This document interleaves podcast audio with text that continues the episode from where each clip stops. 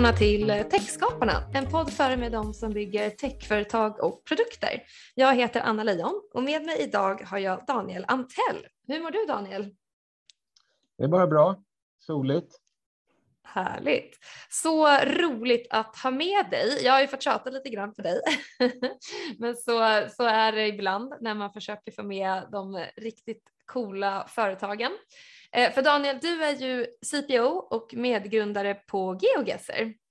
Och du och dina två medgrundare har skapat, eller först skapade ni ett hobbyprojekt eh, och ett spel som baseras på Google Street View och sen har det utvecklats till ett företag. Det är en riktig så Cinderella story. Eh, men användaren släpps någonstans i världen i Google Street View och man får gissa sig fram till var man är någonstans och så kan man tävla mot kompisar. Och idag tar ni betalt direkt av användarna. Var det en bra summering så här? Eh, ja, men det tycker jag. Det är high level vad vi, vad vi har åstadkommit. Men först ett litet avbrott för ett meddelande från min sponsor. Det är många, både etablerade och aspirerande tech-entreprenörer som har konsultat någon gång under sin karriär. Jag själv frilansar exempelvis som IT-konsult via mitt egna aktiebolag. Developers Bay är ett företag som hjälper oss frilansare att hitta våra nästa drömuppdrag. De är ett community och en agentur för frilansare inom tech och kan stötta i allt från intervjuträning till förhandling och skriva kontrakt. Dessutom arrangerar de events och webinars och är även ett specifikt community för oss som vill bygga egna techprodukter. Att vara medlem är kostnadsfritt. Så kontakta Developers Bay på hello at developersbay.se om du vill veta mer. Så otroligt spännande och jag kan bara säga att jag spelar GeoGuess jättemycket på mina uppdrag. Jag är ju ute och eh, frilansar inom eh, IT eh, på olika företag och eh, när vi har så här team teamfika så spelar vi alltid geogesser och det är alltid superkul. Eh, så jag är extra exalterad av att ha med dig här i podden. Eh, men eh, vi kommer gå in mer i detalj hur allting fungerar och så vidare. Men först vill jag måla ett litet eh, personporträtt av dig och förstå din bakgrund. Så kan du berätta hur, hur din resa inom tech började från allra första början? Det började egentligen med att jag intresserade mig för det digitala redan när jag skulle välja gymnasieprogram faktiskt. Jag är uppväxt i Katrineholm och Katrineholm startade då ett IT-gymnasium eh, som jag var en av dem som fick förmånen att gå den första eh, kullen i. Eh, och då kom jag i kontakt med, med eh, programmering och även den visuella delen av, av det digitala. Eh, och då insåg jag att det här tycker jag är jäkligt kul. Just att man ganska snabbt kan göra någonting som ändå går att använda. Det, det fascinerade mig. Eh, jag har alltid varit eh, kreativt lagd och tycker att det är väldigt roligt att skapa saker. Eh, så efter det så fortsatte jag i Linköping, eh, läste till eh, civilingenjör inom IT och när jag slutade i, i Linköping så hamnade jag sedan i Stockholm inom konsultbranschen egentligen. Och från den så kände jag att jag ville jobba närmare produkt och för det är väl sex år sedan nu så började jag på Pricerunner och var med om den resan till eh, i princip försäljningen då till Klarna som, som skedde här i höstas. Mm. Där jag var också eh, produktchef.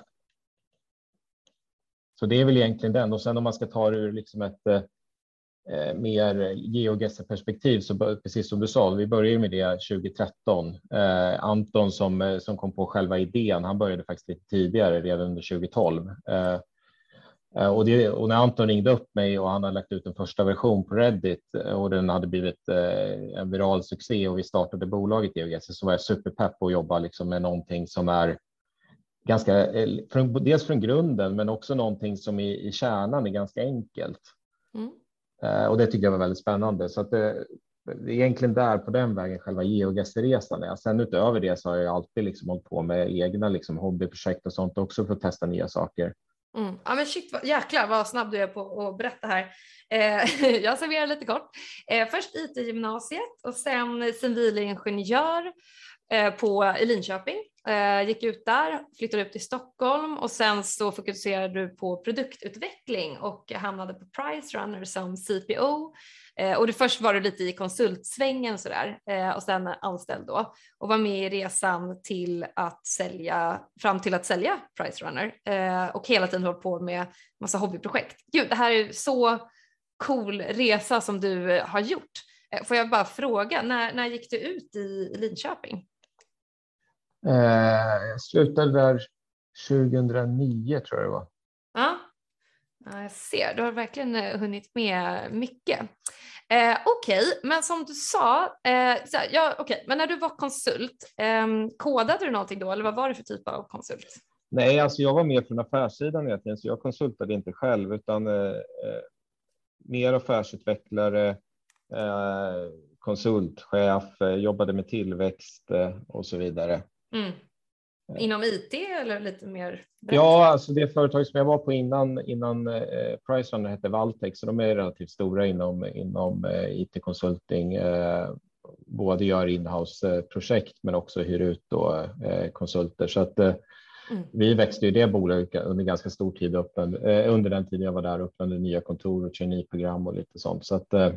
Men det var fokus mer på liksom de delarna och inte så mycket fokus på att bygga produkt, utan det var ju det jag gjorde eh, på fritiden i, i, inom ramen för geogesser. Just det, ja men exakt. Så coolt. Eh, men vill du berätta, du sa att du hållit på med lite hobbyprojekt. Eh, om vi inte pratar om geogasser, vad, har du några roliga, liksom, ja, inte misslyckade, men saker som du kanske har lagt ner, som du, som du testade och det kanske inte funkade, eller som du fortfarande har kvar, kanske som är passivt, eller vad finns det för liksom, roliga projekt i rockärmen hos dig?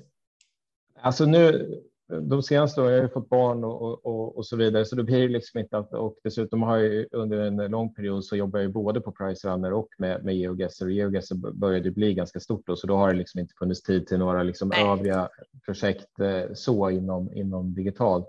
Eh, men när jag var yngre så byggde jag ganska mycket eh, mindre spel och sånt. I, då var det ju i Macromedia Flash, länge sedan där. Mm. Så det, det var väl där liksom det började lite grann. Eh, sen så har jag liksom mest eh, gjort eh, saker eh, för att testa på liksom eh, eh, vad man kan göra utifrån det man själv kan och lära sig. Och sen så har man väl förverkligat det antingen inom den arbetsplats som man har varit eller vad heter det, inom ramen för geogesser, alltså använt de kunskaperna. Så det är de liksom produkter, eller liksom framförallt geogesser som jag har förverkligat det inom dem. Men annars så har det varit mer för att, för att lära sig någonting. Mm. Eh, jag försökte hålla uppe med, liksom, med programmeringen eh, ganska länge också, men sen insåg jag liksom att det, det, finns de som är så extremt mycket duktigare än vad jag är på det, så att eh successivt har man liksom släppt det, så nu får man förhålla sig till liksom att skriva lite så här makro med grejer i Excel ibland. Just det, man får så ödmjukt liksom acceptera. Ja, ja, men det måste man alltid vara. Exakt, ja, men jag, jag, är lite samma, jag håller på lite med webbutveckling på fritiden, liksom. Eh, bara för att upprätthålla det lite. Men nej, det finns många som är otroligt mycket bättre än jag. Eh, ja, shit vad coolt. Eh, Okej. Okay. Men okej, okay, du har nästan berättat hela, hela storyn här, men vi måste ju ta det lite mer i detalj. Så vad, okej, okay, GeoGuessr, vad, vad kom idén ifrån? Hur bestämde ni att ni skulle satsa på den? Liksom? Eh, från början så var det Anton och det var nog en kombination av Antons intresse för att liksom eh, resa men också för programmering. Så han började med att testa egentligen när Google släppte sina API för Google Maps och Google Street View. Mm. Eh, och då byggde han det som var första version av GeoGuessr. Eh, en väldigt enkel eh, version. Det, det, det, finns fortfarande kvar i, i någon bemärkelse. Du får fem punkter. Eh, du får 5 000 poäng om du är spot on när du gissar. Mm. Eh, kan maximalt få 25 000 poäng och sen så slumpar man punkter från hela världen. Mm. Så det var ju egentligen grundspelet.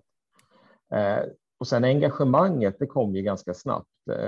Eh, efter att Anton hade lagt upp det på Reddit eh, eh, så såg han att jag har för mig att det kom faktiskt på liksom det här huvudflödet på mm. Reddit och, och var högt upp där. Och då började det ju komma ganska mycket spelare och engagemanget och det började komma ett community kring det som tyckte det var väldigt kul.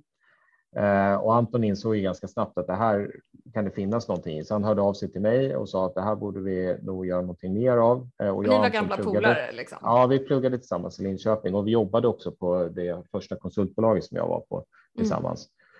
Så vi kände varandra väl och sen tog vi också med en annan kille som är, är grym inom, inom programmering, Erland, så att vi fick lite mer body också inom den tekniska utvecklingen. Mm. Och sen startade vi bolaget och i början så tjänade vi egentligen inga, inga pengar på det, för tjänsten var ju gratis eh, och Googles API var också gratis. Eh, så vi hade inga annonser eller någonting, utan vi hade en del samarbeten med, med bolag. Eh, BBC vet jag var först, de servade också GeoGuessr på sin travel-del på sin sajt. Jaha, okay. Så de hade som en, en bäddad på sin sajt och sen så var det även andra bolag vartefter som hörde av sig som använde det mer i white label och kampanjsyfte, Skoda och, och mm. United Airlines och Lufthansa och lite sånt där. Mm. Så det var liksom vårt sätt att få in lite pengar för hosting och annat. Men det var ju extremt låga kostnader. Vi drev det också på, på vår fritid och, och mm. tog inte ut någon liksom lön eller ersättning för det. Eh, utan tyckte mest det var kul att, att kunna hänga ihop kring ett projekt.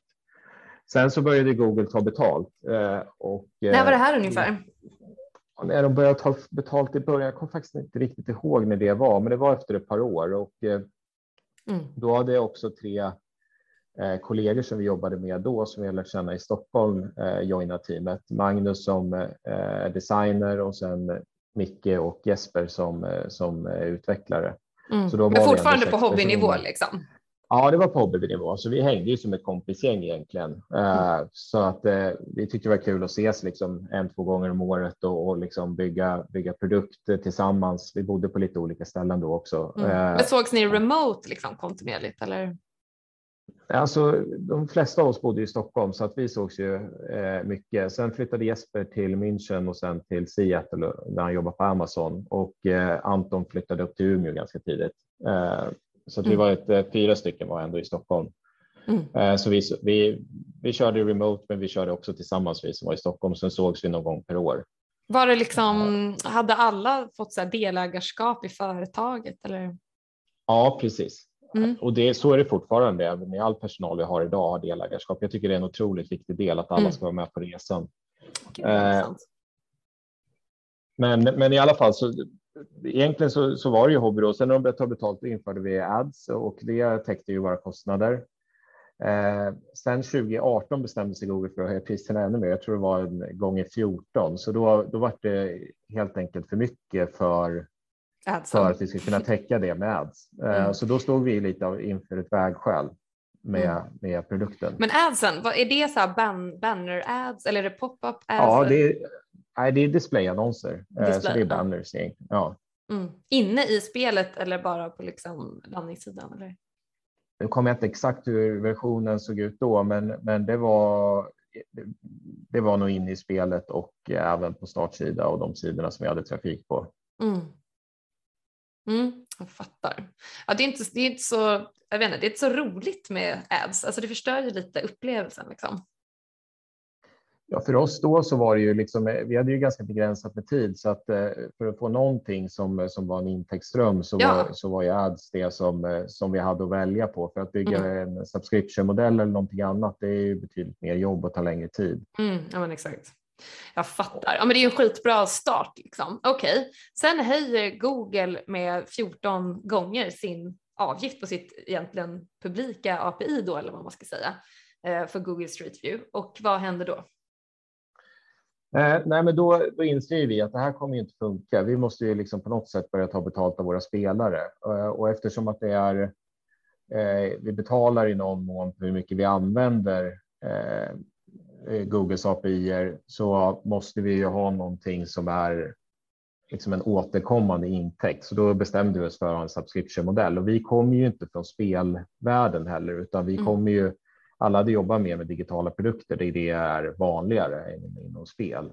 Så för oss var det ett ganska självklart val och vi hade en god dialog med Google också under den här tiden, så de gav oss, eh, jag tror det var nio månader eller något sånt, eh, i 2018 så vi hade till, till september 2019 på oss egentligen innan vi behövde börja betala det nya priset eh, och då började Micke eh, och även delvis eh, Erland att jobba med, med GeoGuessr för att anpassa och bygga den här subscription-modellen. Då. Mm. Så att det vi gjorde i september 2018 eller 2019 var det, september 2019 var att vi egentligen hade en eh, paywall på hela, hela tjänsten. Vi hade inte så mycket cash kvar på kontot och vi tänkte så att om, om vi går över de här gränserna då har, då, då har vi ingen möjlighet att betala något längre. Mm. Eh, men då insåg vi, liksom, det tog bara något dygn så insåg vi att folk ville betala för det här. Mm. Och vad och tog ni betalt då? Vi, vi tog 2,99 dollar Eh, och vi hade släppt det redan innan, så då, var det, då fick man lite extra. Eh, man kunde bygga sina egna liksom, spel, sina egna kartor och sånt. Så vi såg att det var en del som hade signat upp redan innan, men det var väldigt få. Mm. Eh, men just när vi vet det, satte paywallen så, och, så, så, såg vi att det här vill folk faktiskt betala för. Och givetvis var det community, communityt förstod ju oss och de förstod ju att det var på grund av att Google hade höjt sina priser. Mm. Så att det, det togs ändå emot väldigt väl och det var viktigt för oss. Mm, och, och, efter, och efter det så insåg jag att vi, vi kan faktiskt också lätta lite på den här paywallen, att låta folk också spela i viss mån gratis och det mm. kan man fortfarande göra. Exakt, själv liksom. Jag gjorde det senast i, igår. Eh, mm.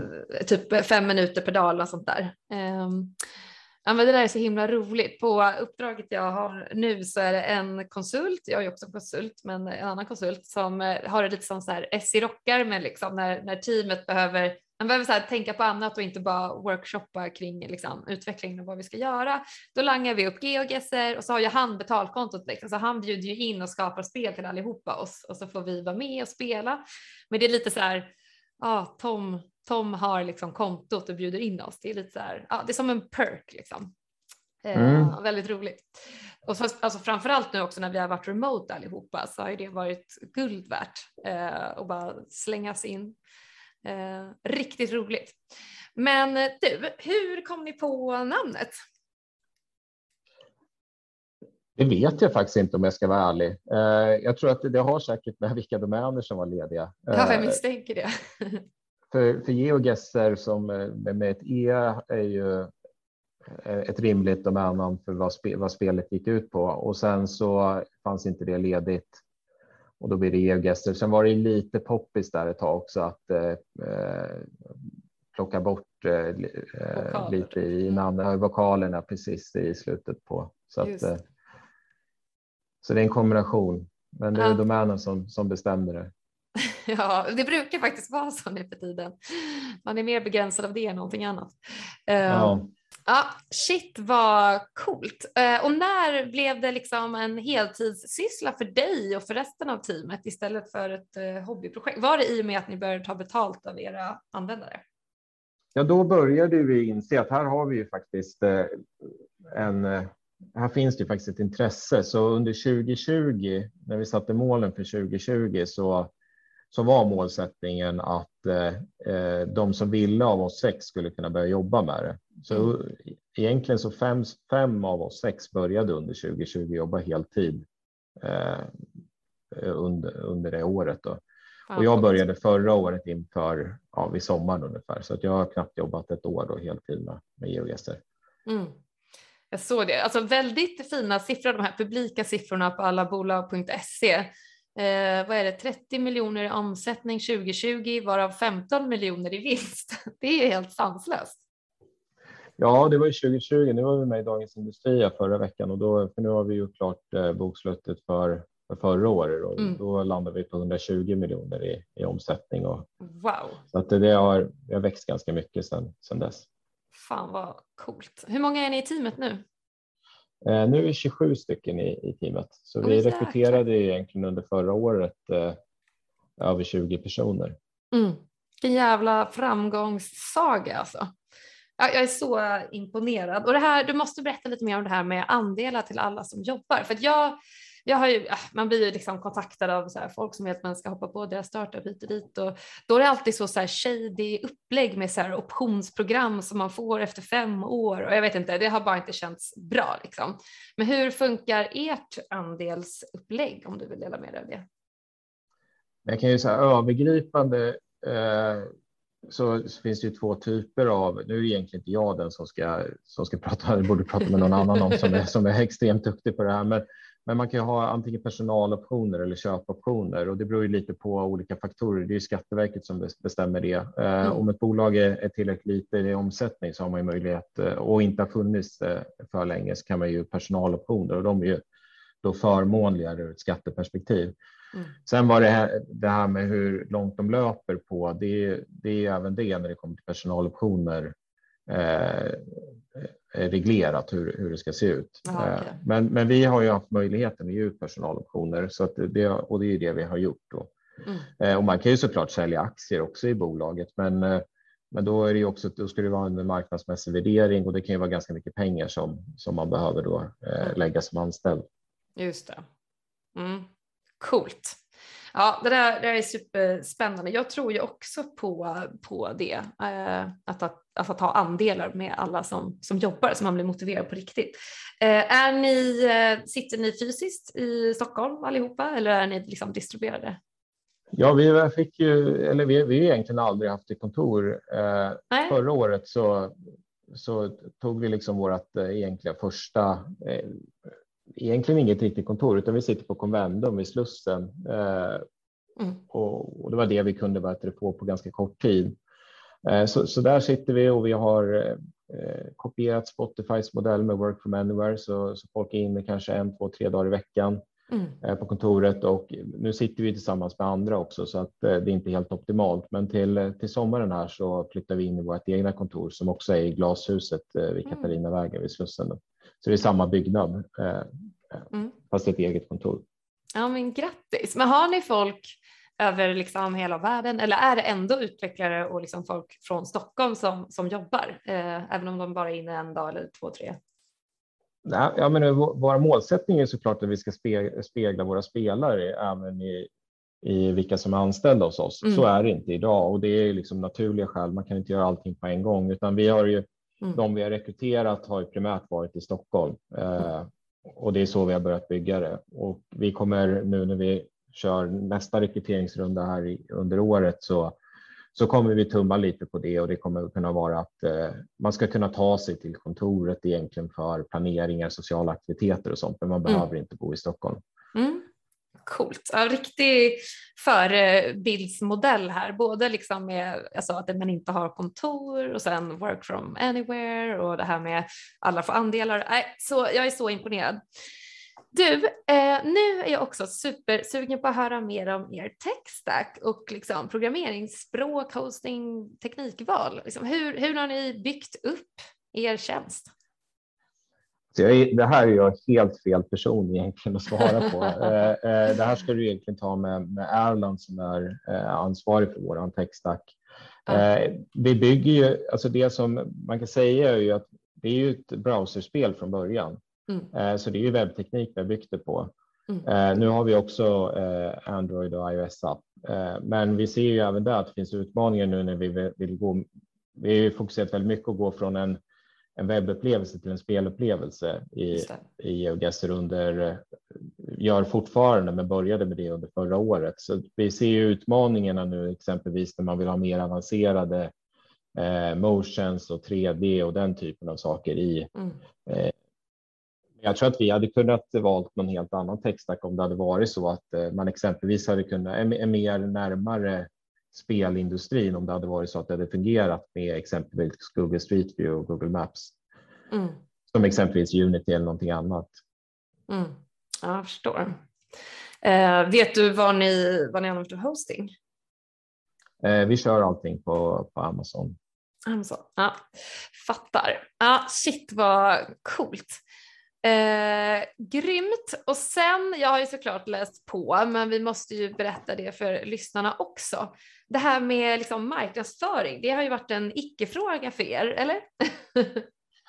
alltså, vi har egentligen aldrig eh, lagt några pengar på det, eh, utan att eh, vi har ju snarare fokuserat på att vara nära communityt, lyssna på communityt, men, men de, community, eh, vad menar du med det? Alltså är det Reddit-communityt? Ja, Reddit är ju, där har du ju de riktiga liksom, hardcore-spelarna, de hänger ju mycket på Reddit. Mm. Eh, exempelvis. Sen har vi, vi även Twitter och, och, så vidare. Så att, och sen mm. är det ju många som, eh, som kontaktar oss via mail och annat också. Mm. Så för oss är det viktigt att vi tillsammans med, med communityt och lyssnar på dem utifrån hur de använder produkten mm. och, och, tar in det. Så det. Och i och med det så har det också blivit många som streamar spel som lägger upp Youtube-filmer och annat. Det är ett väldigt mm. bra innehåll Perfekt. för framförallt streamers. Mm.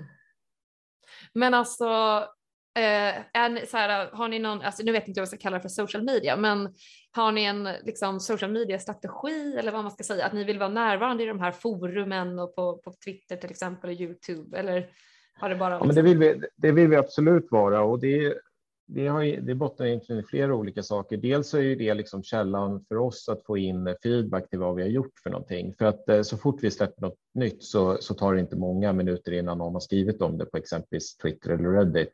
Mm. Eh, och då får vi ju direkt feedback på, på eventuella buggar, men det kan ju också vara eh, förbättringsförslag och annat. Så att det, det ligger ju helt klart i vårt intresse att, att lyssna. Mm. Sen, sen så märker ju vi att, eh, att ju närmare communityt vi jobbar och ju mer engagerade vi är, ju mer blir ju också intresset för, för GeoGuess. vi, eh, I och med att vi är öppna och svarar på så mycket som vi kan. Mm. Så att det har varit en, en, en, nyckelfaktor för oss att vara det och det är också sprunget ur communityt i någon bemärkelse. Mm. Gud vad fint, det är verkligen organiskt liksom, framtaget kan man säga. Ja, sen kan, sen kan jag ju nämna att på, nu på slutet, eh, sista egentligen månaderna, så har vi också börjat att eh, testköpa lite media i form av eh, Youtube influencers. Ah, mm. Då är det oftast de som har varit aktiva innan inom, inom GeoGuessr-communityt. Så just influencers då, eh, tänker ni att ni kan lägga pengar på? Ja, Ja, även de som har streamat på Twitch och sånt har vi eh, vid något tillfälle sponsrat. Mm. Så att, eh, och det är ju också för att börja lära oss liksom hur, det, hur det fungerar. Men så Twitch, eh, Twitter, Youtube, Reddit, finns det några fler liksom, vad ska man säga, social media som ni är närvarande på? Nej, men det är primärt där och det är ju mm. för att dialogen är lätt att hålla där. Eh, mm. Vi liksom broadcastar ju inte ut någonting utan, eh, utan då kan vi använda vår egen sajt för det. Eh, mm. Utan primärt så är det ju där vi kan ha en dialog. Mm. Ja, shit Och ni har ett officiellt liksom, GeoGuessr-konto som går in och svarar på liksom, grejer? Ja. Mm. Balt. Shit vad coolt det här är. Jag tycker det är så himla spännande för det här är ju liksom en helt ny möjlighet som har lanserats i och med internet. Alltså att man lägger noll kronor på marknadsföring och det växer så här snabbt ändå. Det är ju en viral effekt liksom som du säger. Det är verkligen drömmen. Annars är det, det svåra som brukar vara när man håller på med produktutveckling, det vet ju du, det är ju liksom att få användarna och börja använda det. ja, jag tror man måste vara långsiktig, alltså saker tar tid. Det, mm. det är så. Verkligen, ni har hållit på sedan 2012 liksom. Men ni har inte tänkt på att skapa ett eget eh, liksom, forum eller vad ska man säga, community på er egna domän? Det är ju många som gör det. Nej, men det är alltid en balansgång. Vi har ju det för det som är mer supportnära saker, alltså om ah, okay. betalningen inte går igenom eller sånt. Det har vi ju, men eh, eh, men man måste också ge communityt en frihet, för annars så, om vi styr den dialogen för mycket mm. så, så kommer vi heller inte få den inputen vi behöver. Mm. Eh, det är exempelvis så inom till exempel, vi skulle också kunna ta en mycket stel, eh, större del av att exempelvis arrangera liksom eh, mer e-sportsnära saker i EUGS och sånt, men det har vi låtit communityt göra istället och sen har vi lyssnat på vilka behov de har och försökt mm. tillgodose dem. Mm. Och jag tycker det där är verkligen en balansgång som man behöver vara mm. noggrann med, för man vill inte eh, kväva kreativiteten hos andra heller, utan det är en otroligt bra input för oss. Verkligen. Men för mig eh, så har det ju här varit ett så här typ jobbspel. Det låter ju svintråkigt, men det är inte tråkigt. Men liksom, det har verkligen varit att det har varit eh, ja, men mer teamfika på uppdraget. Eh, men, eh, liksom, vad, vad, är er primära målgrupp? Är det många hardcore gamers som kör det här eller är det här mer av en remote eh, grej liksom, på, på jobbet? Nej, men det vi ser är ju att det är, det, liksom kontexten man spelar är ganska olika, men de eh, primära målgrupperna vi har är ju de som antingen time fillers och det är ju primärt de som använder våra appar. Eh, man har fem minuter över när man väntar på en kompis eller på bussen eller något sånt. Eh, och då spelar man kanske upp till 60 minuter i, i, i veckan. Mm. men utspritt på många tillfällen. Och sen har vi de som är gamers som sitter med rätt utrustning, stor skärm, bra hårdvara, mus, tangentbord och så vidare. Och det behöver du ju liksom för att bli riktigt duktig. Och man ser de här competitive-lägena vi har med säsonger och sånt. Där, där är det ju mer en gamer-karaktär på de spelarna. Mm. Jag fattar. Ja, men det är supercoolt. Hur många, hur många, alltså om du nu vill dela med dig av det här, hur många företagskunder har ni kontra privatpersoner? Alltså vi har ju inga företagsabonnemang, eh, så jag väldigt ah. osäker på, liksom, utan vi har ju en subscription-modell. Eh, ah, Sen vet fattar. vi att det används både på företag och, eh, och även i skolor till stor utsträckning också. Just det. Oh, gud vad spännande, det är liksom utbildande material. Ja, det där är faktiskt skitcoolt. Nej, för jag tänkte ju, alltså om jag skulle signa upp skulle jag göra det på företaget, för det är ju liksom ett verktyg i mitt liksom, arbete. eh, ja, nej, men absolut. Workshops. Ja, men okej, okay. ja, men ni kanske ska lansera ett företagskonto då? Eh, där kan man ju handla ja, priser. det kan man göra. Vi har ju testat med, med kring eh, eh, education lite grann och haft konton för lärare och sånt där de har andra mm. möjligheter. Jag ska inte säga att det har flugit jättebra, Nej. utan vi tror liksom på att ha en, en ganska simpel modell som är, det är liksom ändå en Starbucks kaffe i månaden liksom, och, mm. och sen fylla det med, med ett, med ett lärande och roligt innehåll. Mm, eh, som man då kan använda i olika kontexter, om det är i skola eller om det är på jobbet eller om det, om det är att man sitter liksom och försöker verkligen bli eh, supervass i de här competitive lägena själv eh, på kvällstid så, mm. eh, så är det fine vilket som. Mm. Eh, och vi är också nu, faktiskt igår lanserade vi att man kan sätta ihop, att man kan hosta sina egna event och det är faktiskt helt gratis. Ja. Och då kan man kombinera också med quizfrågor. Ah, shit. Alltså det finns ju så mycket man kan göra på det här området. Det är så jäkla coolt. Vi såg att På spåret kopierade oss lite grann där i ett, i ett spelmoment så vi tänkte nu får vi ah. kopiera dem lite grann också. Payback time. Ja, det låter helt rätt. Ja, det är så jäkla coolt. Det är så imponerad alltså. Men det här med, du sa att det är en, en Starbucks-kaffe, alltså det är väl nästan en halv Starbucks, Starbucks-kaffe. De går ju typ loss på 55 spänn liksom. Ja, det kanske gör det idag. Det är så mycket olika grejer i dem. Ja, kanske så det är vanliga svarta bättre. kaffen utan mjölk. Slutkaffen liksom. Ja. det kanske inte låter lika roligt, men, eh, men du, ska inte, du ska inte sälja det dyrare än vad, vad det är. Liksom. Det är ju en halv Starbucks-kaffe. Uh, ja, ja, men uh, shit, jag är så himla imponerad. Uh, men du, eh, vi har pratat om finansieringen eh, och jag förstår ju att ni verkar ju vara helt bootstrappade och ni har inte tagit in något kapital heller, eller? Nej, det har vi faktiskt inte behövt göra eh, och det är ju, det är ju för, väldigt förmånlig sits att, att sitta i. Eh, så vi finansierar ju eh, den tillväxten vi gör med vår egen kassa. Mm. Sen så sålde vi av en del av eh, geogesser i förra våren för att få in eh, mer kompetens kring hur man, hur, hur man bygger snabbväxande bolag. Och, eh, så att Carl-Johan Persson och Niklas Storåkers eh, köpte in sig bland annat. Coolt. Precis, för ni, ni, är ju ett spel, men det är ju ett, liksom, det är inte ett så hardcore spel. Alla, alla förstår ju hur det, hur det funkar. Eh, så det är ju liksom ett, och spelutveckling är ju någonting helt annat än produktutveckling tänker jag. Vad har du för tankar där? Alltså jag, jag, tycker egentligen inte riktigt det, utan i syvende och sist så är det ju någons behov du ska uppfylla. Mm. Uh, och när man jobbar, när jag jobbade exempelvis på Pricerunner så var det ju att guida uh, våra användare till rätt produkt och uh, till rätt deal på den produkten. om det var pris eller om det var leverans eller vad man nu utvärderade på.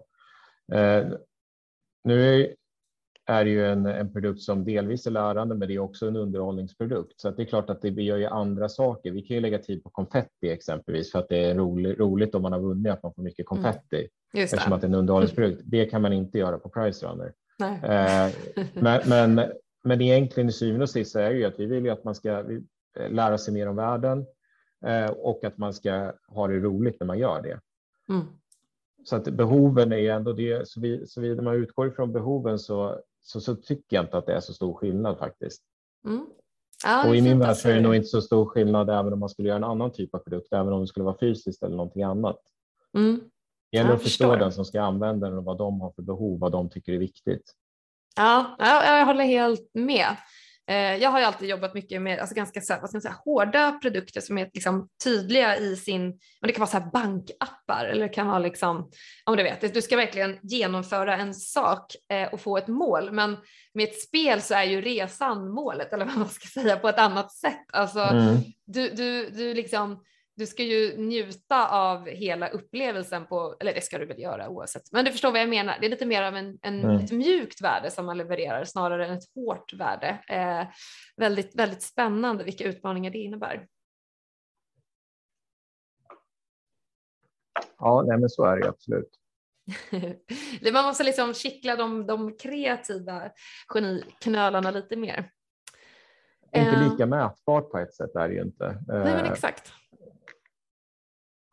Exakt. För flöde, flödena är ju inte, är ju inte lika enkla på, på det viset. Men, men, men eh, syvende och sist så, är det, så kan man ändå titta på ungefär samma metrics ändå. Om man tittar liksom high level på mm. det.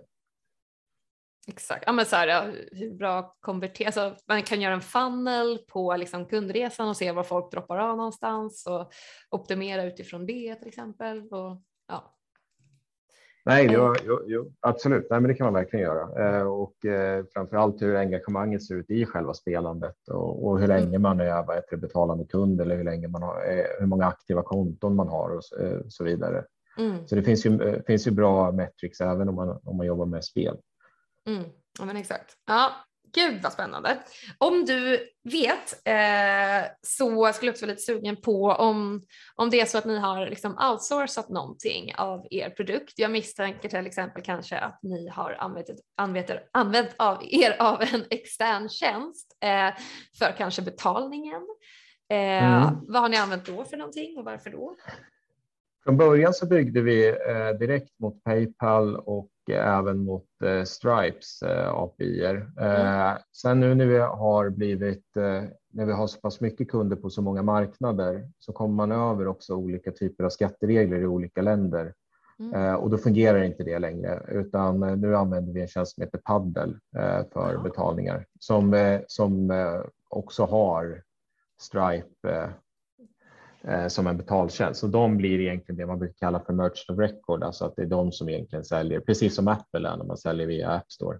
Mm. Och då sköter de vad heter det, det som är det skattemässiga.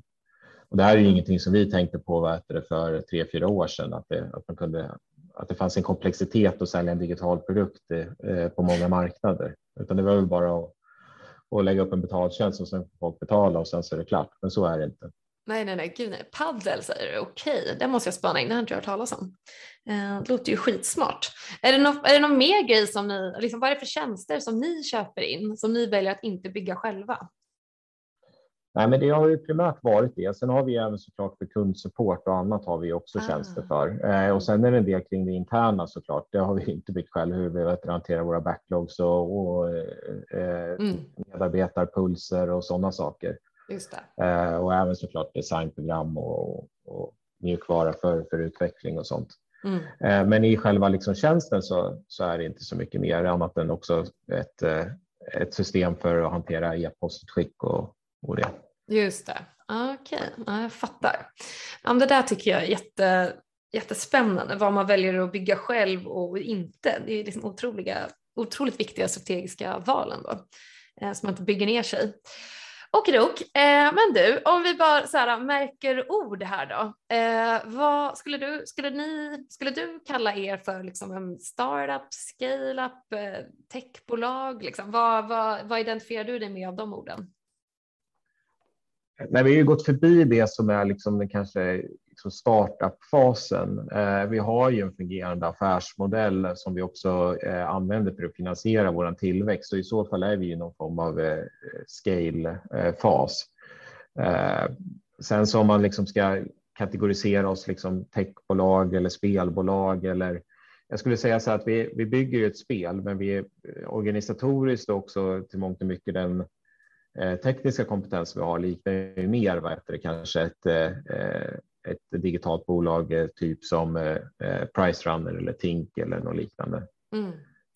Mm. Mer techbolag liksom. Ja, precis. Mm. Ja, jag förstår. Nej, men jag, jag håller med. Det är verkligen coolt. En fråga, vad, om, ni, om ni har analyserat det här, liksom, vilka skulle vara era konkurrenter om ni har några? Vi har ju under åren haft några mindre konkurrenter som, liksom, som är konkurrenter head to head så att säga, som försöker göra samma sak. Mm. Eh, sen så har ju vi blivit så pass stora, vi har ett så pass stort community eh, och vi har kommit så pass långt på, på vår resa och har också en, en, en viss body i vår organisation. Mm. Eh, så, så det självklart börjar det bli svårare och svårare att göra någonting liknande vad vi gör och också med det vi ser ju det att eh, själva varumärket börjar bli väldigt starkt också inom, inom spelsegmentet och, mm. och man refererar ofta till geogesser som är någonting, hitta var man är. Vi ser andra som, som gör geogesser i Fortnite eller geogesser i, ah. i eh, något annat som inte har med oss egentligen att göra, men man döper det till geogesser för att det är liksom, då vet alla vad det är. Mm. Det handlar om att hitta var man är någonstans. Ni har skapat ett koncept liksom. Ja, lite så har det ju blivit. Eh, så oh. att jag tror, sen om man kan, om man liksom tittar lite utanför det så finns det ju såklart inom kanske mer klassisk trivia. Det är ju, konkurrerar ju delvis om samma spelarintressen mm. som spelarna har. Eh, även som Kahoot exempelvis är ju också närliggande i någon bemärkelse.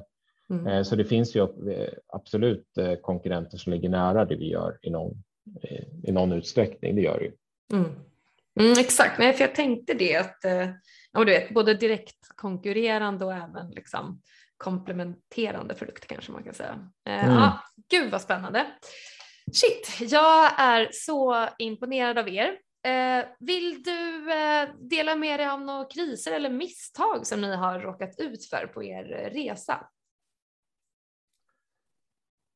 Det är alltid svårt när man liksom historiskt tittar tillbaka, för man har en tendens till att, att, att både försköna och glömma saker. Mm. Men, men liksom misstag tror jag, det, är ju liksom, det, får man ju räkna med. Det är ju en del av allting man gör. Eh, alltså allting vi bygger blir ju inte det som eh, det får inte det utfallet som vi tror att det ska. Vi har ju byggt spellägen och annat som ingen tycker är roliga mm. eh, och så är det ju.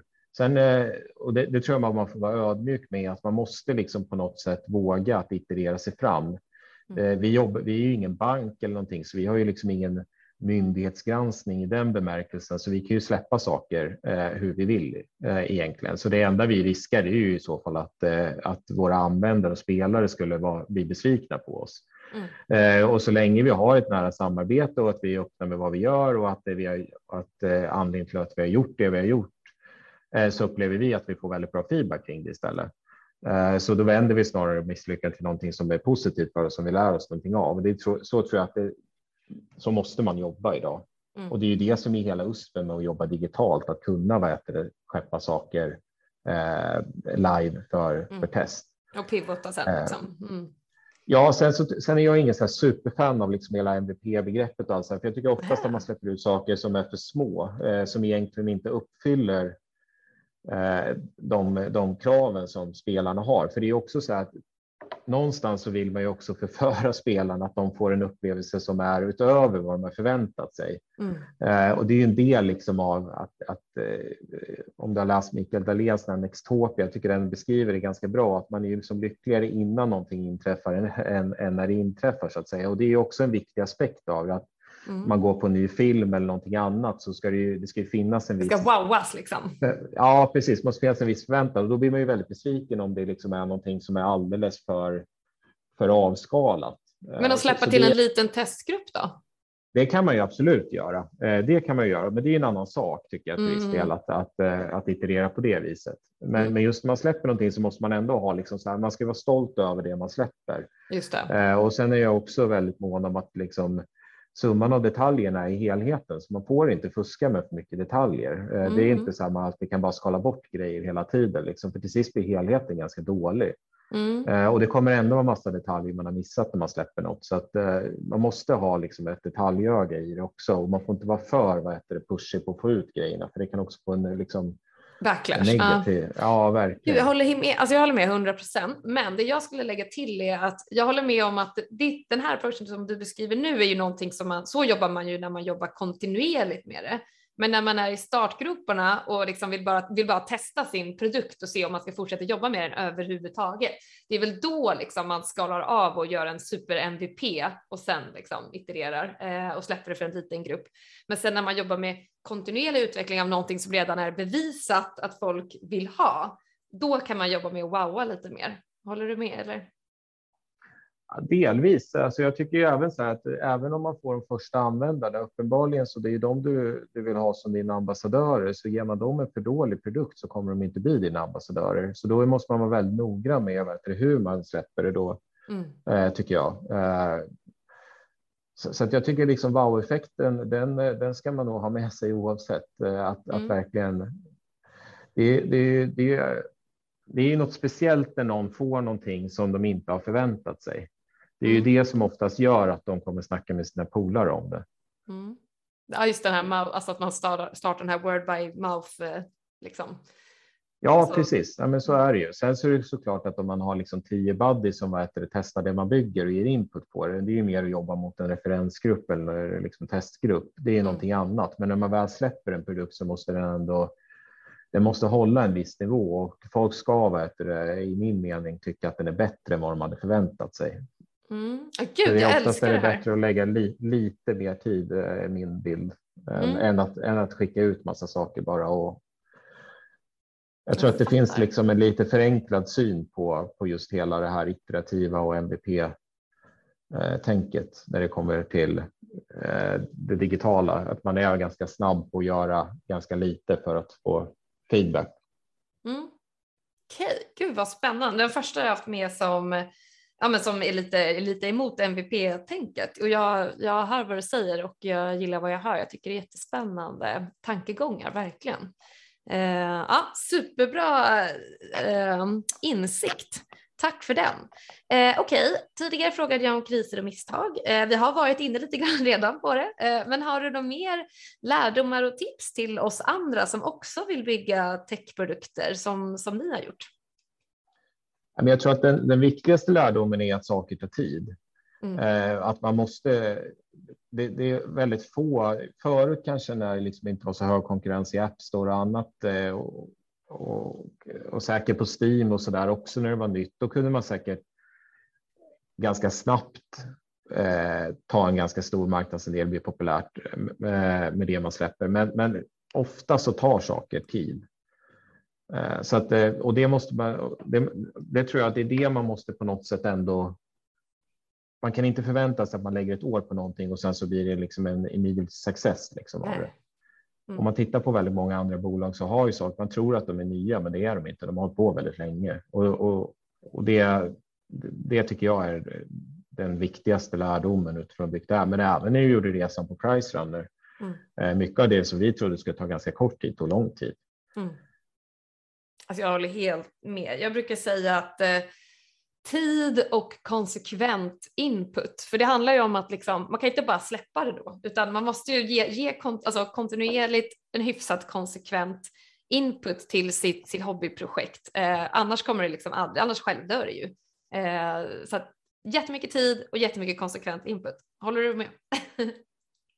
ja, nej, men det, det, absolut, så skulle man kunna, eh, kunna säga det. Jag tror att man ska ha sin det är viktigt liksom att man, eh, man måste ha en tydlig målbild om vad man ska och sen så, som vanligt så måste man också ha ett tydligt nästa steg i det och sen så måste man få input kontinuerligt från, från de som ska använda det. Mm. Eh, de som använder det kommer aldrig vara de som vet, bestämmer riktningen, men de kan hjälpa dig att ta rätt val eh, eh, på vägen till målet. Så att säga. Det är samma sak när man idag när man börjar prata mycket om att man ska använda data i stor utsträckning och det är, det är jag jätteför och jag tycker det är jättebra. Men man måste också ha med sig att datan speglar det historiska. Eh, och datan hjälper dig att eh, ta en rakare väg mot målet. För målet kan inte datan bestämma. Mm. Utan målet, du måste både ha hjärta och hjärna när du gör saker. Och hjärtat måste vara ledande. Du måste ha en tro på det du gör. Mm. Gud, vackert. Jag blir superinspirerad. Tänk att få, tänk att få jobba med dig. Eh, helt fantastiskt ju. Jag håller helt med. Det finns väldigt många företag som stirrar sig blinda på, på sin data och säger datan är det nya guldet och allt vad det kan vara. Liksom. Eh, det är en sanning med modifikation, helt klart. Eh, hjälpmedel, men kanske inte styrmedel. Eh, du, det här, ja, vi börjar få ont om tid och jag har lärt mig så otroligt mycket. Det var så otroligt spännande att få, att få ha med dig. Väldigt tacksam för att du ville ställa upp. Eh, vi har ju redan hört lite om potentiella nya features och sådär, men det, vill du dela med dig av din långsiktiga vision och om det kommer några spännande features som vi kan testa eh, härnäst? Ja, vi släpper ju grejer hela tiden och eh, under året eh, så vårt eh, fokus för året är att vi ska eh, bygga GeoGuess för alla och GeoGuess för alla innebär att eh, framför allt för dem som det är ett ganska högt insteg vad heter det i GeoGuess idag. Det är, det är mm. ganska svårt spel. Mm. Eh, så vi märker det att de eh, liksom, användarna som var med oss länge, de tycker det är väldigt roligt och man hittar hela tiden nya djup för att bli duktigare på spelet. Så det finns liksom en, en lång livslängd i spelet, men det är också väldigt svårt när man är ny. Eh, så det är en viktig del för oss att jobba i den delen av våran spelupplevelse. Och det är det som vi gör under året. Så med det så har vi också släppt co-op-lägen och man kan spela i lag och, och så vidare för att helt enkelt de som inte är lika competitive inriktade spelare och därmed också det, här, det parties man kan skapa och, och bjuda in sina kompisar och så. Det, är, det är ganska nytt det också. Mm. Eh, så det är det vi fortsätter och vi ser också att mobilen är en allt viktigare plattform för oss. Mm. Shit vad coolt. Men tänk när ni säger för alla, menar ni så barn då också liksom och, och äldre? Och... Jag tror det krävs ju liksom en viss eh, nivå. Om man tänker på min femåring så han har ju svårt att förstå att Nacka ligger liksom i, närheten i Stockholms län som ligger i Sverige som ligger i Europa. Så, jag tror liksom den, det tar ju en stund innan man, innan, innan man har förstått den typen av saker. Då blir det ju väldigt, väldigt svårt att spela geogesser. Mm. Däremot så har vi ju nu rört oss också mot att eh, inkludera liksom en kontext kring, kring geogesser i form av frågor och annat, alltså mer trivia. Och där i höstas så köpte vi även upp ett bolag, ett annat svenskt bolag eh, som heter Ceterra, eh, som är stort inom skolor framför allt. Mm, eh, som är ett quizspel inom geografi. Mm. Eh, så det ser vi som en naturlig liksom, utvidgning av produkten. Att också in, och där är det ju mycket mer eh, yngre ungdomar eh, som, som använder det i sin, framförallt då i sin geografiundervisning idag. Mm. Shit vad coolt. Kommer så här, ni, ni säger att ni har bra relation med Google. Kommer de med så här, liksom, feature requests eller liksom försöker ge er någon riktning eller någonting? Eller? Nej, det gränssnittet vi har mot Google är att vi är ju deras kund och eh, det är klart att eh, vi har en dialog kring saker. Vi, vi är ju ändå en, en väldigt stor Street View-användare hos Google och vi har ju eh, emellanåt slagit in i olika begränsningar i det och där har vi en dialog kring det, hur vi kan lösa det. Sen så har, och det hade varit konstigt tycker jag också, Google har ju inget liksom, intresse i eller ingen saying i vad heter hur vi utvecklar vår produkt i, i någon bemärkelse. Så det är inte det, den relationen vi har. Nej, ja, bra. Jag fattar. Eh, nej, men det är ju lite beroendeställning liksom, men samtidigt är man ju kund så ja, ja men exakt. Eh, grymt! Men först ett litet avbrott för ett meddelande från min sponsor. Det är många, både etablerade och aspirerande tech-entreprenörer som har konsultat någon gång under sin karriär. Jag själv frilansar exempelvis som IT-konsult via mitt egna aktiebolag. Developers Bay är ett företag som hjälper oss frilansare att hitta våra nästa drömuppdrag. De är ett community och en agentur för frilansare inom tech och kan stötta i allt från intervjuträning till förhandling och skriva kontrakt. Dessutom arrangerar de events och webinars och är även ett specifikt community för oss som vill bygga egna techprodukter. Att vara medlem är kostnadsfritt. Så kontakta Developers Bay på hello.developersbay.se om du vill veta mer. Gud, ja, det här har varit så spännande. Eh, min eh, sista fråga. Eh, vet du någon annan textskapare som du tycker att jag borde intervjua härnäst? Ja, det hade varit roligt om du kunde intervjua Niklas Storåkers tror jag skulle vara rolig. Mm. Vad har han gjort? Har, han startade Avanza och sen har han investerat mycket i techbolag bland annat eh, Tink eh, och sen eh, var han ju också den som, som drev Pricerand under de senaste sex åren. Så, så Niklas, han skulle jag definitivt tipsa om. Coolt. Har du någon ingång där? De kan ju vara svåra att få tag på de här busy personerna. ja, Niklas och jag är goda vänner så absolut, det har jag. men sen om man vill också kanske ha lite mer produktnära personer så tycker jag Björn Lilja som var med och startade Kundo eller Emil mm. Stenström som också var med och startade Kundo skulle mm. definitivt också kanske kunna vara intressant att ha med. Mm. Shit vad bra tips! Det ska jag verkligen eh, gå till botten med och se, se om de vill vara med. Det vet man ju aldrig. Det är svårt mm. att locka in dem, det vet du ju själv. jag har försökt få tag på dig ett tag. Men tack så hemskt mycket för att du och hela GeoGuessr ville vara med i podden. Eh, vi måste ju självklart tipsa alla lyssnare om att testa det är så otroligt roligt och beroendeframkallande. eh, om, ni, om ni rekryterar eller om det är någonting annat du vill tipsa lyssnarna om, eh, vad, du har ordet fritt. Ja, men det gör vi. Vi kommer växa med, med drygt 30 medarbetare under året. Eh, mm. Så känner man att GeoGuessr är intressant och, och, eh, man är intresserad av eh, antingen utveckling eller design, data, analys så absolut, är det bara att gå in på vår sajt och mm. söka. Ni har en karri karriärsida liksom? Ja, precis. Ja, toppen, gud så spännande. Nu, nu går vi in direkt eh, allihopa. Eh, ja, så bra. Men du, eh, tack så hemskt mycket för din tid och jag ska också tipsa såklart lyssnarna om att prenumerera på podden och även man kan ge betyg på podden också. Så det får ni gärna göra. Eh, toppen! Tack så hemskt mycket för idag Daniel. Så hoppas jag, jag kommer följa er och så hoppas jag att vi hörs snart igen. Tack så jättemycket för att jag fick vara med.